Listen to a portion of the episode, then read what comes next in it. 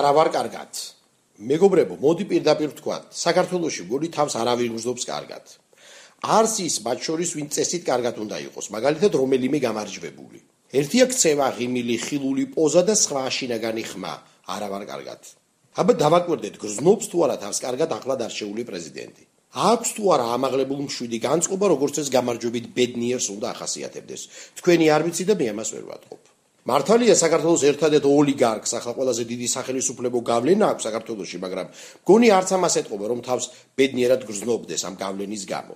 იმას კი გამარჯვებინა, ვისი გამარჯვებაც ხალისიანად თუ ხალისოთ უნდა, მაგრამ ფაქტია რაღაცა თხლე გამარჯვება კი გამოუვიდა.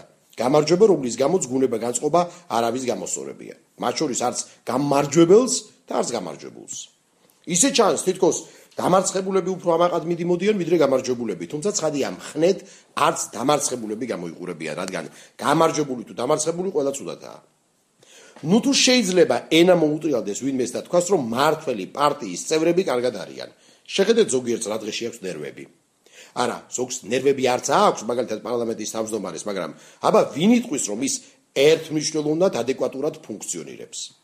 ანკი როგორ შეიძლება? კარგად იყო როცა 6 წელია ერთ-ერთი იგივეს გაიძახი რომელიმე ნერვებ დაგლეჯილი პატრიოტი ვით რომ შეს გვერდზე ამავე პარლამენტში სისხლის მსმელები ნაცისტ ფაშისტ პოლპოტისტების ხედან და პასუხად მხოლოდღა მრავალჯერ გამეორებულ ლანძღვა გინებას იღებდე. როგორი 6 წელი თანაბრად ილანძღებოდე და თანაბრადვე გლანძღავდნენ. შედეგის და რაც ყველაზე გამომალაყებელია დინამიკის გარეშე დეპუტატი პაპუაშვილი ხომ 6 წლის წინაც იმგივე სყვიროდა, რასაც გუშინ, გუშინ წინ და დღეს გაყვიროდა. ზუსტად იგივე სიტყვებით, იგივე გრამატიკული შეცდომებით და იგივე სიცითლით სახეზე. არანაირი პროგრესი, არანაირი განვითარება, არანაირი უპირატესობის განცდა. რამდენ ტალახსაც ისვრიც, ზუსტად იგივე ხდება, არც მეტი არც ნაკლები. მეტიან ნაკლები მაინც ხდებოდეს, მაგრამ დამღრელი სწორედ ისაა, რომ ვინც გძულს, ისიც იმდენივეა. რამდენჯერ უნდა დაეჭიდოს მანდატურ თუხუცესი დეპუტატ კვიციანს. ხომ ფაქტია რომ არც ამ დეპუტატისთვის იწლება რამე და არც ხადია რიგებს შორის ჭიდაობაში დაოსტატებული მანდატურისთვის. რომ არაფერი ვთქვათ, ნერვებ განკარვებული, მაგრამ აშკარად გაფუჭებული რობოტივით არასწორად ფუნქციური პარლამენტის თავმჯდომარის სამყაროსავით ძველ და მოსაწყენ რეჩიტატივზე. დეპუტატო მელია, მელია დეპუტატო. ესეც კიდევ ერთი სევდიანი უცნაურობა. ფაქტია, სამი კაცი ჭიდაობს. აქედან ერთი ხალი და ერთიც უკვე ოლიმპიელივით გამომძმედილი მემანდატურე. და პარლამენტის თავმჯდომარე კი მხოლოდ დეპუტატ მელიას ხედავს. შეიძლება რომ ადამიანი მხოლოდ მელიას ხედავდეს. აქედან ან ერთი არა ადამიანი, ან მეორე მელია. და ეს ასია სულ ცოტა 2 და ზოგადად 6 წელიწადი. აქედან სისხლის მსველებო, იქიდან აღარ მოგბეზდათ ისევ 9 წელზე ლაპარაკი.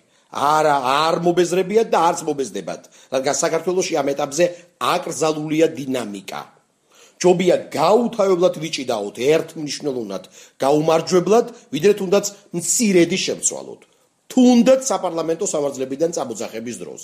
მაგრამ რეპლიკების მოფიქრებასაც ხომ ტვინის განძრევა შეერდება. ეს კი როგორც ჩანს, არც თუ ადვილი საქმე. ამიტომ ამას ისევ მუშტების ქნება ჯობს. კიდურებს მაინც გაამოძრავებ, სხვა თუ არაფერი ვარჯიში ჩაგეთვლება. თუმცა ამ მომრჩეველმა ხომ მაინც იცის, რომ ტვინიც კუნთია.